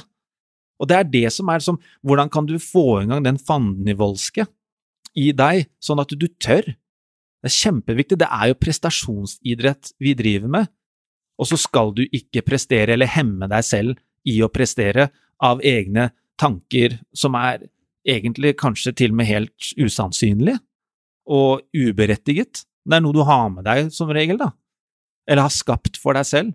Så altså, å snakke med noen personlig, altså eh, mental trenere og psykologer og sånne ting, jeg, sy jeg syns det er en kjempeidé, og absolutt bør ikke være tabubelagt eh, på noen som helst måte. Det er ikke sikkert det er like tabubelagt inn i, i sportsmiljøet, men dette mener jeg generelt. Der hvor du for eksempel, da, statene, det er liksom rake motsetning. Der hvor du kanskje har noen Jeg har tre psykologer. Det går nesten sport i å ha psykologer. Det blir for mye, tenker jeg. Men her har vi janteloven, du skal, ikke, du, skal ikke, du skal ikke være noe, du skal ikke peke deg, du skal ikke tro noe, du skal ikke noe som helst. Og det er også der Å ja, du får hjelp. Ok, ja, men da har ikke du vært noe. Og det Jeg digger folk som gjør det. Jeg digger folk som søker hjelp, som søker utvikling, som søker nye tanker, metoder, veier. Det er de, det er de som er interessante. Det er jo de som ja, hyller dem. Ja, for vi har jo snakka mye om det her, masse. Vi, vi, snakker om det ofte, i forskjellige settinger. Eh, og for meg selv også. Jeg var jo litt i din kategori. Var veldig god til å spille fotball, og var det du kanskje kvalifiserer som talent. Mm. Og var kanskje på mitt beste når jeg var 17-18. Da. Mm. da spilte jeg fast i andredivisjon og, og var ganske bra. Mm. Eh, men jeg hadde mange ting Ja. som du også har ledd av, som fortsatt er der, Ja, ja. men som jeg er mer klar over. Men, men jeg har med min bagasje, Ja. og én ting var jo at det eksempel kunne svarte helt for meg, at jeg kunne Mm. skjelle ut dommeren for rødt kort, Ja. miste det helt. Ja. Og sånn var det veldig lenge, uh, uten at man velger å gjøre noe med det. Og det stammer jo fra at man ikke forstår seg selv. For det kommer jo fra et eller annet sted ja, ja. men man vet ikke helt hvorfor det kommer ut. Uh, Og jeg tror ikke, som du sier, man går jo inn i det mønsteret, og man vil fortsette å gå i det mønsteret, potensielt hele livet, hvis du ikke velger å innse at dette vil jeg finne ut av. Mm. Hvorfor Mm. går rullegardina ned, og jeg kjefter på dommeren og blir utvist og sånn, egentlig når jeg ikke trenger? Mm. Hvorfor skjer det? Og det andre jeg tenker på, for, for bare for å ta meg selv som eksempel, at hvis jeg var veldig god når jeg var 17-18 og spilte kjempebra i en kamp i andredivisjon, eller var god på A-lagstrening, så satt jeg aldri og tenkte på hvorfor jeg var god. Nei. Jeg, jeg hadde ikke peiling på hvorfor jeg var god. Det var bare sånn at i dag var jeg god, jeg veit ikke hvorfor. Mm. Og da blir det veldig vanskelig å gjenskape det. Mm. Så jeg syns det er veldig spennende, og folk som ønsker å gjøre det. Eh, og det er nok fremdeles litt tabu å gå og skulle få hjelp til det mentale, da. Ja. Og det dreier eh, mye av dette altså, Jeg tror, sånn som eh, jeg har skjønt på forskning, at um, vi, vi, vi samler på Vi er så bevisste, da, som mennesker generelt, så er vi bevisste på dårlige hendelser, dårlige opplevelser, farlige situasjoner og det som er dumt. Fordi at eh, som art så hadde ikke vi overlevd hvis vi hadde kun stått ute på motorveien eksempel og dansa og tenkt på blomster. Så hadde vi blitt påkjørt. Ikke sant? Og så hadde vi på en måte som art så hadde vi ikke overlevd hvis vi skulle hatt en sånn type innstilling, men eh, en måte å være på. Men fordi at vi ser etter farer, vi gjenkjenner eh, farlige situasjoner, eh, skal, trenger jeg å løpe eller flykte nå, så er det på en måte Det er, det er sånn vi, vi husker liksom alt Jeg tror det er liksom så mange gode hendelser som skjer i løpet av en dag, så husker du bare så og så mange, men du husker alt det kjipe, da.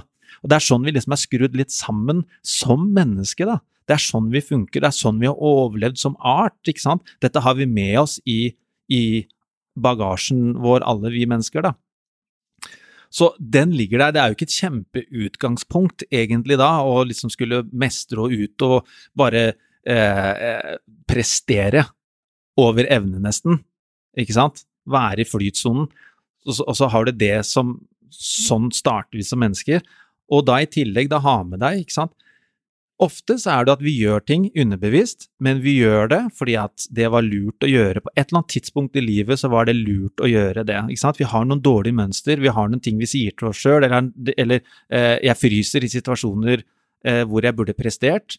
Så har det noe med at der beskytta jeg meg sjøl, kanskje som ung gutt. Men fordi at jeg ikke har fått øye på det, så kommer jeg til å gjøre den type handling i de lignende situasjonene for resten av livet, fordi det er sånn jeg er skrudd sammen. Det er jeg som, som art, som menneske, så er det sånn jeg reagerer. Det er reaksjonsmønsteret mitt. Og det er jo på en måte en autopilot.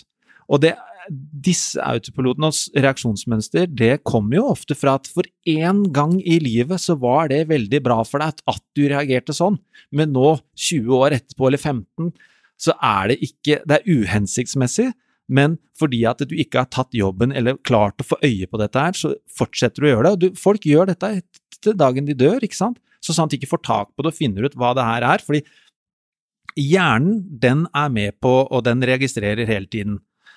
Kroppen, alt fra hjernen eller halsen og ned, eh, er jo med på alt, ikke sant? Det er jo en dypere bevissthet i oss, mener jeg.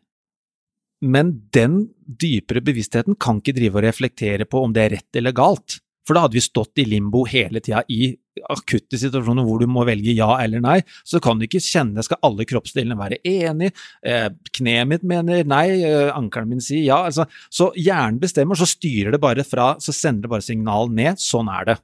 Og da handler vi. Og så hvis det er på en måte et signal som kommer fra toppen alltid, som er et gammelt reaksjonsmønster som alltid sier det samme, vi handler på samme måte, så vil det heller aldri endre seg. Og det er, så, det er liksom sånn vi er skrudd sammen. Som, og hvis du har noen uheldige måter å reagere på eller være på, så vil jo det slå ut i alle sånne situasjoner som ligner på den situasjonen som du måtte utvikle et mønster på. Og sånn vil det være hele veien. ikke sant? Så det er kjempeviktig å på en måte ta en jobb med seg selv.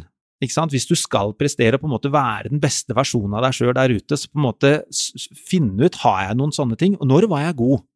Når var jeg dårlig? Hva var det? Hvorfor? Hva var det en foranledning til at jeg var god? Var det noe jeg tenkte eller gjorde eller følte eller sa? Og samme med når du har prestert dårlig. Var det noe jeg tenkte, følte eller gjorde eller sa, som gjør at du blir bevisst på da, dette her? Så du kan gjøre noe med det, du kan ta tak i det eller nevne det for noen, som gjør at du kan klare å prestere jevnt over bedre. Da er du avhengig av å få tak i mønstrene dine òg, ikke sant? Og det er som du har sagt til meg flere ganger, eh, du har hjulpet meg med mye, og gjør det fremdeles. Det er jo først og fremst så må du akseptere eh, at det er noe du kanskje burde forandre på. Mm. Det er første steg mm. for at det i det hele tatt skal være mulig at det skal skje en endring, da. Eh, hvis ikke så er det veldig vanskelig. Og jeg, du har også sagt til meg, og jeg også bruker mental trener, mm. har gjort det nå halvannet år, syns mm. det er kjempebra, mm. på mange forskjellige ting, ikke bare liksom om meg og hvordan jeg har det, men også litt i forhold til jobb, forhold til prestasjon, mange andre ting også.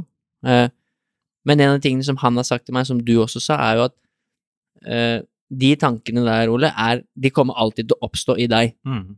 Eh, for det er liksom Det har du med deg. Det er din bagasje. Mm. Forskjellen er jo nå at du kan oppdage dem og forstå dem når det skjer, og så kan du velge å handle på en annen måte. Ikke skjelle ut dommeren, da, for eksempel. Du kan merke at ok, nå kommer det, uh, jeg velger en annen utvei. Mm. Men jeg kan ikke forhindre at de kommer, for det er en del av meg. Men jeg kan forstå dem, oppdage dem, og så kan jeg bruke det nesten som en styrke. Jeg kan skru det litt av og på. Nå velger jeg det, nå velger jeg det ikke. Mm. Kan du si litt om hva hvis, hvis, det ga mening, det han sa nå? Ja, ja. Men det, det, det, er et veldig godt poeng. Et kjempegodt poeng. Og det er jo det at vi, vi, vi reagerer sånn som vi gjør, og det vil det gjøre, ikke sant. Du vil jo reagere. Altså, det er det vi gjør. Eh, og i en sånn situasjon hvor du eh, reagerer uhensiktsmessig, da, og blir bli klar over at du gjør det, ikke sant, og det kommer gjennom at eh, aksept og anerkjennelse, det er grunnlag for all endring. Så ved å akseptere og erkjenne ok, det gjør jeg, Sånn har jeg reagert fram til akkurat nå, men jeg ønsker å gjøre noe med det. Så kan du på en måte begynne med det også, liksom få hjelp av mental trening og sånne ting, sånn det blir enklere å på en måte få tak i det, for at karrieren din er kort. Du kan bruke et helt liv på dette her, men innenfor det du gjør, er det viktig kanskje å gjøre det sånn. Men det er på en måte å få tak på det, da, for det er akkurat sånn som du sier, du vil alltid reagere på samme måte, og samme følelsen vil oppstå. Så det er, jeg er glad du egentlig sa det, for at de, dere som altså, hører på det her og tenker at ok, hvis jeg gjør sånn, da, hvis jeg gjør sånn og sånn, så, så vil jeg bli kvitt det. Ja, det, du har mulighet til å bli kvitt eh, det, men det, det, betyr jo ikke at ikke de samme tingene vil oppstå.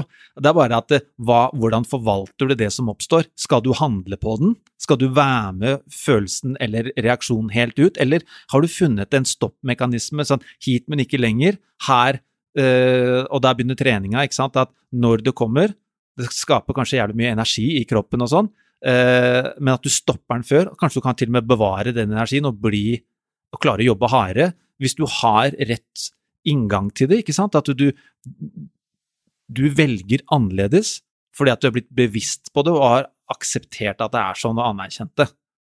Så kan du klare å kanskje gjøre en endring, ikke sant. Og, så, og, og, og, da, med mestring, med at du ser litt etter litt, dette klarer jeg, så blir jo dette styrken din, ikke sant. Og det er noe du er klar over i deg sjøl. Det det, det, det er, en veldig fin ting, men det, det, krever jo jobb, da. Det krever jo at du oppsøker det, og det er det en ting vi merker også med å oppsøke sider ved oss sjøl vi ikke liker, så, eller som ikke er behagelige. Det er vondt. Det er vondt å bearbeide og ta tak i ting og forstå hvorfor ting er sånn som de er. Det, det gjør litt vondt, det. det. Det er helt riktig. Det er mange ganger jeg har gått ut av samtaler eh, når jeg har vært og, og prata om ting, hvor man da har oppdaga at Eller forstått og akseptert at det er faktisk sånn det er. Mm. Og sånn har det vært lenge. Mm. At jeg har skutt meg sjøl litt i foten med å reagere på den måten her i mange situasjoner. Uh, og det er ikke noe kult å oppdage det. Men på sikt så kan du da gjøre noe med det, og så, som du sier, blir det en styrke. Mm. Så slutt, slutter du da å, å fortsette å reagere på den måten og handle i det mønsteret der. Mm. Men det å oppdage er vanskelig å oppdage det, og når du oppdager det, så er det, det er ikke noe ålreit, da. Men man må igjennom det. For, uh, for å få den endringa, så må man litt ut av komfortsonen. Og man må jo trene på det, akkurat som du trener på å bli raskere eller bedre til å finte. Så må du også trene på de tingene her, Mm. på hvordan du reagerer. Eller at du ikke reagerer, men du responderer, at du heller ok, tar det litt innover deg, Mm. og så svarer du. Istedenfor bare å smelle ut med en gang, som kanskje var det tidligere mønsteret ditt, da. Ja, ja. Jeg, jeg, tror, eh, jeg tror liksom det å være ut, utenfor eh, komfortsonen, det er på en måte der også veksten ligger, da. Ikke sant? Det er eh, vekst, personlig vekst, eh, det kan du like gjerne forbinde med voksesmerter. For det er vondt. Og, og det er i hvert fall min erfaring, at alt som er verdt noe, alt som er verdt noe i livet mitt, som virkelig er verdt noe som jeg har jobba for, det har virkelig kosta noe, altså. Det koster å endre. Det gjør virkelig det. Men, eh, men, men det har aldri vært noe jeg angra på. Jeg har aldri angra på, selv om de rundene. For gjennom å bli, bli, klar over at sånn reagerer jeg sånn, så, så er det først eh, trist, kanskje, at det, er, at, at det, er, sånn. At du blir klar over at det, var, at det er sånn. Og så er det litt sinne også, plutselig, for det har jo vært sånn, så, så kommer alle episodene hvor du skjønner at det har vært sånn. Fordi at du, fra dette øyeblikket du forsto, så ser du alle øyeblikkene du ikke forsto, og så kommer det sinne blanda med sorg. Og så er det det å på en måte ta dette inn og la dette synke, på en måte at sånn er det. Og den prosessen der, det, det er jo individuelt hvor, lang, hvor, lenge det varer, da, men det er vondt å vokse, det er vondt å på en måte endre på ting. Det er jo en grunn til at de var sånn, og hvis du skal inn og endre, så på en måte det, det, Da er man ute av komfortsonen, og det gjør vondt, da. Det gjør det, og så noe som du har sagt til meg før, som jeg føler passer å, å ta opp nå, er jo at når du velger å endre deg selv, eller vokse, bli bedre på en eller annen måte, mm. om det er å gå til mentaltrener for å forstå mer om deg sjøl, eller om det er å velge å, å, å, ta en utfordrende jobb, eller bytte jobb, eller bytte lag, eller hva det enn måtte være, en, en stor endring for at du skal bli bedre. Mm. Noe som du har sagt til meg, som jeg har følt på det, er at de menneskene som står deg nær, det er ikke sikkert de forandrer seg, Nei. eller går til neste nivå. Sånn at hvis du fortsetter å gå til neste nivå personlig, men de rundt deg ikke gjør det, mm. så vil du jo også merke at de reagerer på at du velger å gjøre det. Ja. Og det er jo ikke alltid så enkelt å takle, Nei. eller vite hvordan du liksom skal gjøre det, ja, hvordan du skal håndtere det, da. Ja, det er også en, er også en, en, en, en ting, ja, som vi har prata om, uh, og det, det, er sant. For det eh, De rundt deg er også avhengig av at ting er likt, og at det er trygt. Eh, og når du endrer deg og blir litt ut av karakter, så blir det også uttrykt for andre, ikke sant. Eh, de får det jo litt uttrykt. Det er ikke sånn som det pleier i relasjonen. Som, og den relasjonen dere har, er jo godt plassert og trygg og forstått. Så når ofte sånn med personlig vekst hos noen, da, så, spesielt nære, da, som ser Det er ikke sikkert du mener det samme lenger, det er ikke sikkert du reagerer på samme måte. De er jo avhengig av at du kanskje reagerer litt på den måten du gjorde, for at det gjorde noe for dem, det var trygt for dem, det var godt for dem.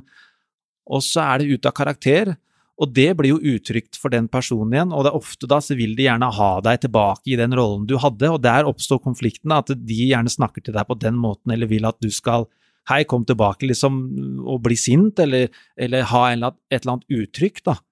Der hvor du står og også med den nye oversikten din forstår hvorfor du gjør det du gjør, det du gjør, og så ser du at de henger jo ikke med på det. Og det kan liksom Det kan jo gi en litt følelse av at du er litt aleine blant dine nærmeste. Og det er jo litt en sånn konsekvens også av litt vekst noen ganger, at eh, toget går fra perrongen, alle sto på perrongen, eh, du ser dem bare nå på perrongen mens toget har begynt å gå, og du ser at det er jo bare én vei, det er jo bare enveiskjørt, på en måte. Eh, de som valgte å bli med deg, de blir med over denne reisen selv, og der kan dere eh, ha en ny vekst sammen og ta forholdet, relasjonen, til et nytt nivå gjennom det. Så er det ofte de som står igjen, som står igjen, da. Og den avstanden kjennes også, altså. Det, det kjennes også følelsesmessig. Og det kan være veldig utfordrende og sårt da, i en allerede situasjon som er ny og litt vanskelig. Ja, og ja, det er noe jeg har tenkt veldig mye på etter Mm. at vi prata om det, og det merker man jo. Og det er sikkert mange som kan kjenne seg igjen i. Mm. Det er også at hvis du først slår skikkelig gjennom med et eller annet som du holder på med, og virkelig har suksess, Ja. Så oppdager man jo også hvem som virkelig unner deg det. Ja.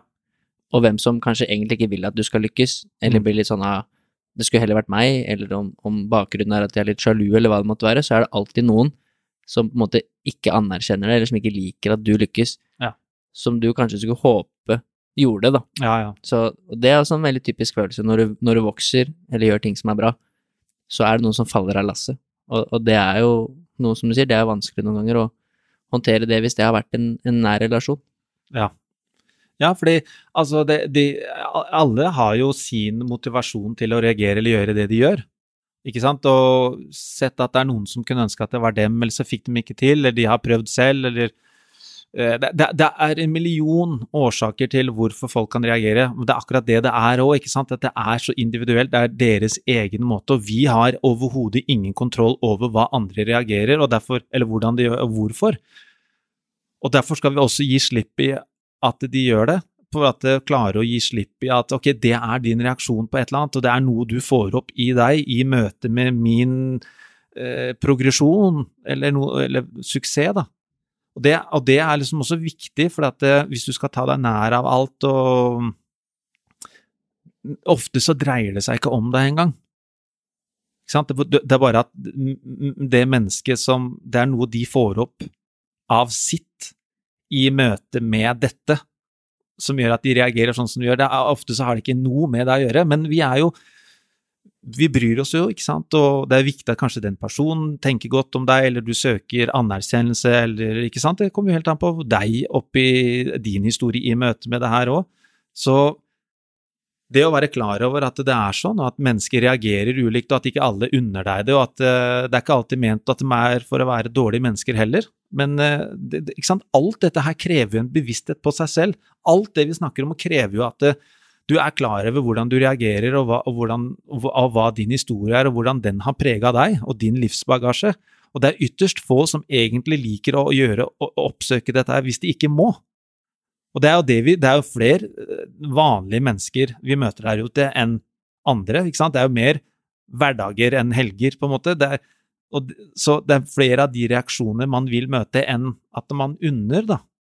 Og det er, tror jeg også er vanlig, og det sier kanskje litt om det mennesket, mer enn mer enn deg, da.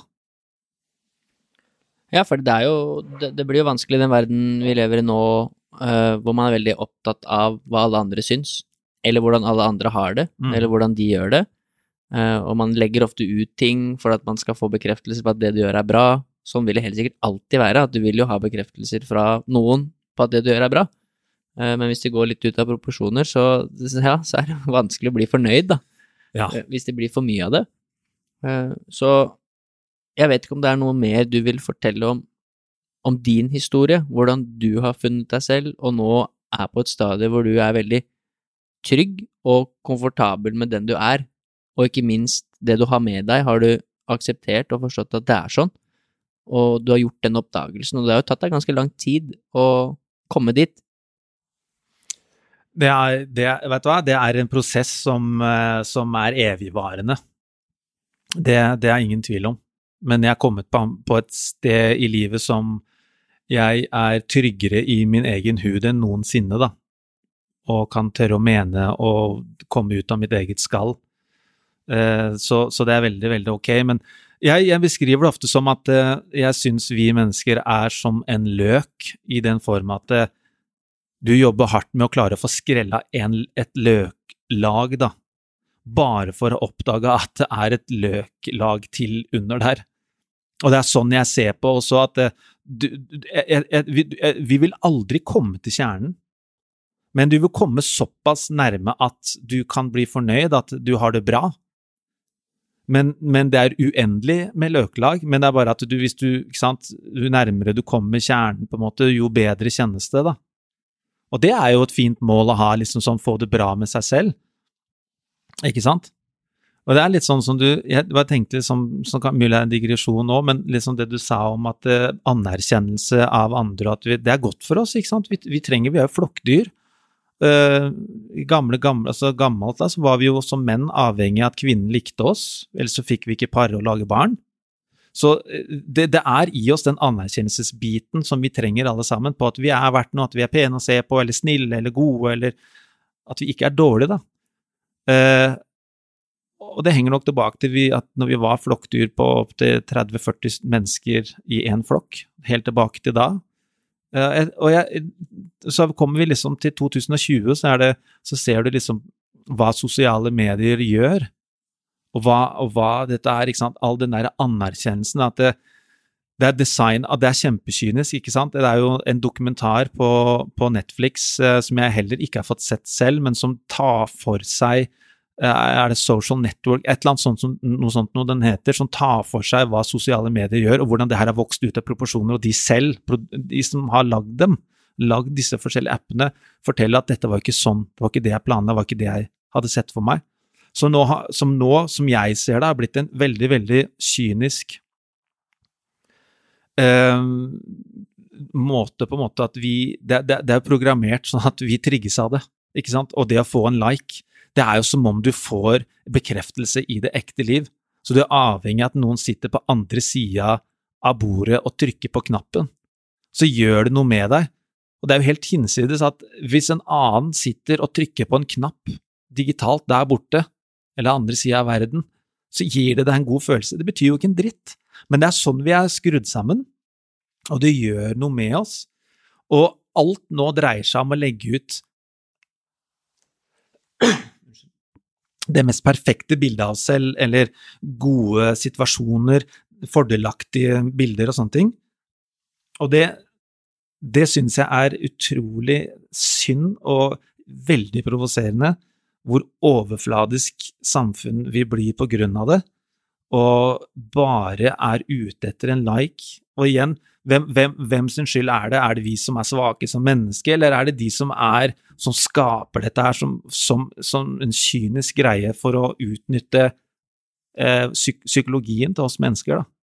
Jeg, synes, jeg, jeg, liker det ikke i det hele tatt. Jeg har et kjempeambivalent forhold til sosiale medier.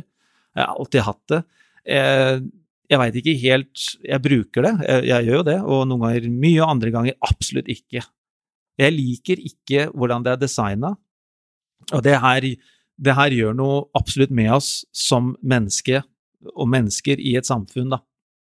Så det var en liten digresjon, i hvert fall på det du sa sånn innledningsvis.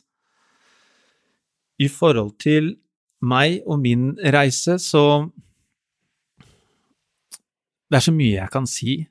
Det er, det, er, det er, veldig, veldig mye jeg kan si i forhold til hva som har bidratt, hva som har fungert, ikke fungert. Eh, det er summen av alle de opplevelsene da, som, som, gjør at jeg sitter her og kan si det her, da. Sitter og sier det jeg sier nå. Eh, kanskje, vi, kanskje, vi, tar det eh, på en annen podkast. Kanskje, kanskje, kanskje det blir tema en gang? På en måte litt mer sånn spesifikt eller uh, detaljert. Uh, men ja, jeg er litt sånn usikker på hva jeg skulle sagt akkurat der nå. Nei, fordi alle har jo sin egen reise. Uh, og alle Det er ikke alle som klarer å oppdage seg sjøl, eller finne ut av hvorfor ting er som de er. Det er ikke så alle som ønsker å, å dykke i det. Så det var litt poenget at jeg vet at du har gjort det. Ja. Og det har vært mange tøffe valg og oppgjør, man kan kalle det for det, både med deg sjøl og med nære relasjoner, for å finne ut av det her. Mm. Bli ferdig med det, ikke minst, og kunne se videre. Uh, og, og, sette pris på de tingene som er bra. Uh, og det, det, kan vi jo sikkert lage en podkast om, for da kan du nok snakke lenge. Ja, absolutt. Det er veldig mye om det, og det, det, er, det, er, det å ta de Det er noe å ta de rundene og være ærlig med seg sjøl. Og det har vært noen oppgjør uh, for min del med mennesker rundt meg som, som, ikke har vært, som ikke har vært koselig, ikke noe ålreit, men absolutt nødvendig. og jeg for min del så har det aldri vært noe annet alternativ. Jeg måtte det her. Jeg måtte gjøre det jeg gjorde. Eh, det var virkelig ingen annen vei. Så der er jeg på togturen min, da. på vei mot eh, fine tider. Og du bruker jo fortsatt litt tid med mental trener, og du, du ønsker jo fortsatt å dykke i det her og fortsette å utvikle deg. Det er sånn jeg ser på det, at eh, folk som bruker PT i mange år, da, mm. så kan man få en kommentar om herregud, nå må du snart klare å, å trene på egen hånd. Ja. Og det er jo ikke det det handler om, det handler om at du kan alltid lære noe nytt, du kan alltid bli bedre på det du allerede er god på, mm. eh, og så videre. Og sånn ser jeg det på som mentaltrener, at jeg liker å bruke det jevnlig, fordi at jeg blir bedre på det jeg allerede jobber med, jeg oppdager nye ting, jeg lærer noe nytt, så det er jo ikke en reise som stopper, på en måte. Nei, det er jeg helt enig i. Og for meg så, så, er det Denne reisen er jo Det er kjempe, kjempeviktig, og jeg ønsker Altså, det er vel det som driver meg, da, som hele tida gjør at jeg oppsøker kanskje vanskelige tanker, situasjoner, da, utafor komfortsonen, presser meg gjennom, og så ser tilbake på det og har klart å eh, eie den situasjonen og, og, og hele tida søke nye ting. Problem, det er jo jeg går utenfor komfortsonen min, og det er, det er jævlig kjipt noen ganger, altså. Men, eh, men, men, jeg sitter jo her, og jeg angrer jo ikke på noen av de. Jeg får en mestringsfølelse jeg føler. Og klarer jeg å overbevise meg sjøl og, og, være glad på meg på mine egne vegne, det er jeg fall streber etter, at jeg skal kunne gi meg selv den tilbakemeldingen at jeg ikke er så avhengig av dette rundt. Uh, men det er en, e, for meg, det er, dette er et livsvalg. Det er et valg for livet, og jeg, jeg kommer ikke til Jeg kan ikke snu. Det hadde kjentes helt jævlig ut, da. Jeg, jeg, det er eh, Det kommer alltid til å være sånn. Jeg kommer alltid til å søke. Jeg kommer alltid til å lure. Og jeg kommer alltid til å utvikle meg i denne retning. Og nå er jeg kommet dit hvor jeg klarer å hjelpe andre mennesker òg. Jeg er kommet i en sånn posisjon hvor jeg hjelper andre mennesker og ser at det jeg sier og gjør, hjelper virkelig andre mennesker. Og det gir mitt liv en annen dimensjon av mening igjen, som gir meg enda mer lyst og, og, pågangsmot til å fortsette denne reisen min og, og, og gi tilbake til, til, andre, da. For det er sånn, sånn jeg, Min horisont har på en måte blitt så mye bredere. Jeg, jeg, hvis det var en 180 graders vinkel, liksom sånn at vi ser sånn med øynene våre, så har jeg klart å, utvikle, klart å vine ut til 210, for eksempel, da. Og, den, og, og, det hjelper meg å gjenkjenne eh, ting i andre og kunne på en måte påpeke det på en veldig ålreit, skånsom måte, da. Men da hjelper de med oppdagelsen mot sin egen greie. Og det gir skikkelig mening, altså. Skikkelig. Og litt av, litt av poenget er jo at du hadde ikke klart det hvis du ikke hadde eh, fått orden på dine egne greier nei, nei. først. Nei, nei. For det starter jo med deg selv og her inne, og det er det litt denne episoden handler om. Mm. Å gjøre den jobben. Og det finnes flere måter å gjøre det på, men det å dykke inn i seg sjøl og finne ut av det Du hadde ikke klart å snakke om det på den måten hvis du ikke hadde gjort det. Nei. Og du hadde i hvert fall ikke klart å hjelpe noen andre. Eh, så som treneren din, for eksempel, da, som Mm. du nevnte i Mjøndalen. Hvis Mm. han hadde gjort en jobb med seg sjøl, skikkelig, på dypt nivå, Mm. så kanskje han hadde utvida den horisonten litt, da. Og kanskje kunne bidratt med litt mer, som han ikke klarer nå. Ja. Jeg vet ikke, men du må jo gjøre den jobben med deg selv først. Det er jo litt poenget med det vi har snakka om i dag. Det er, det er det, Jeg tror liksom svarene er i deg, da. Og så har du ikke helt lært eller klart å finne ut hvor, hvilken stein du skal snu og hvilket løklag du skal pelle, men, men det er der. Det er der, og det er mennesker der ute som kan hjelpe deg med det også. Så det, det er en vanvittig reise, ass, men det, er, det er ikke noe annet Altså, det, må, det syns jeg Jeg angrer ikke et sekund, da, selv om det er mange ganger jeg gjør det. Men sånn totalen, så sitter jeg eh, og føler meg bedre enn noensinne, da. Jeg har det, jeg har det så mye bedre inni mitt eget kjøtt.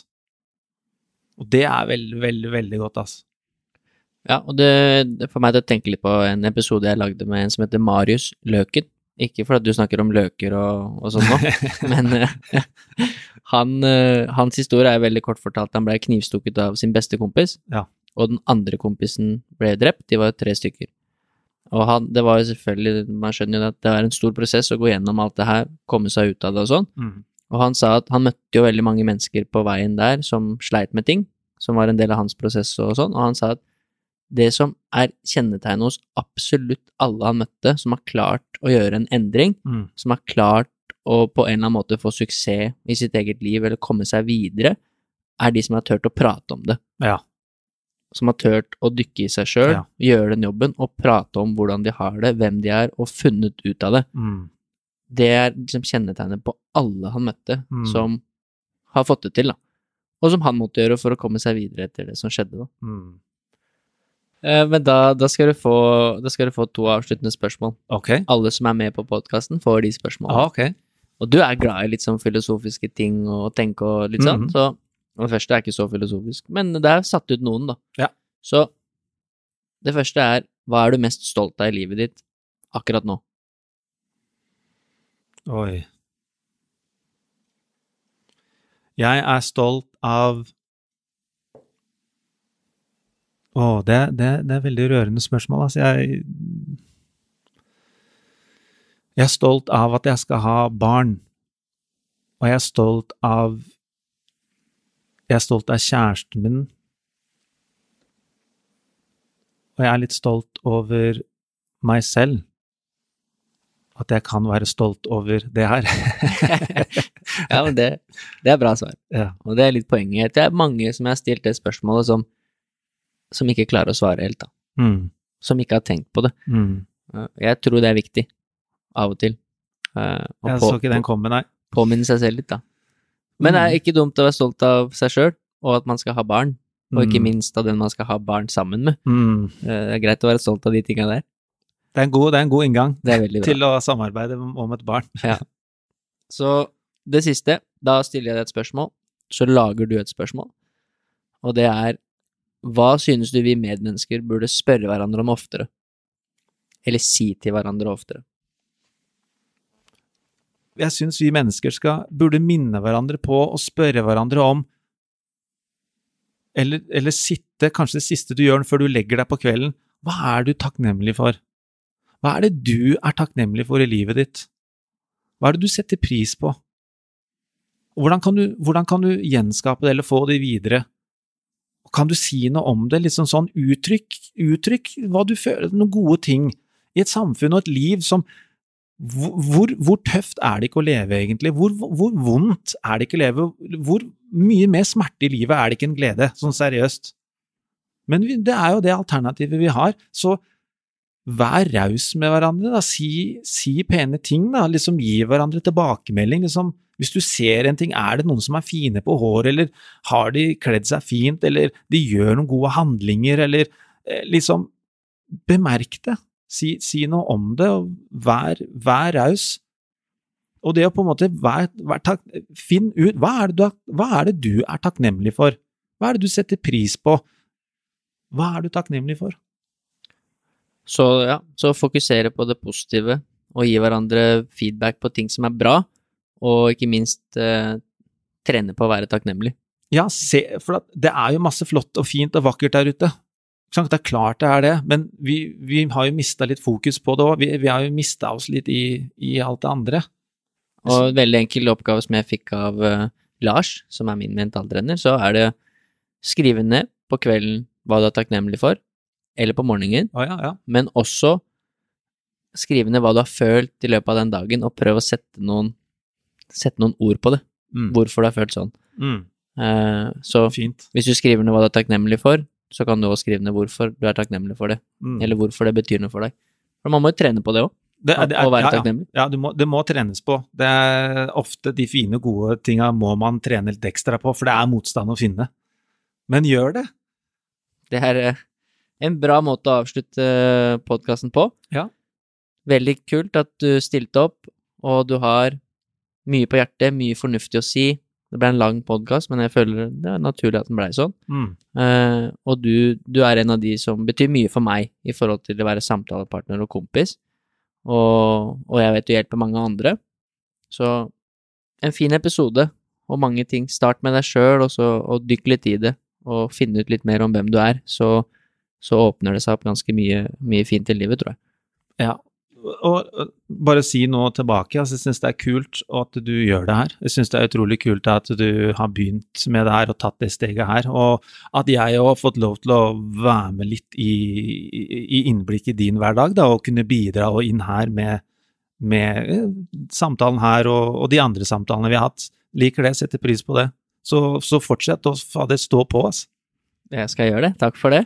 Og det er- mange bra historier der ute, og det er fint at man kan dele det med omverdenen.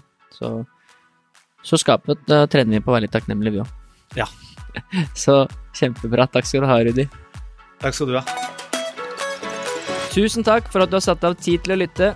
Det setter jeg stor pris på, og jeg håper at du sitter igjen med noe verdifullt. Hvis du ønsker mer inspirasjon til trening og helse, følg meg, coach Elo, på Instagram. Der kan du også stille meg spørsmål, samt komme med tilbakemeldinger til podkasten. Du finner lenken i episodebeskrivelsen.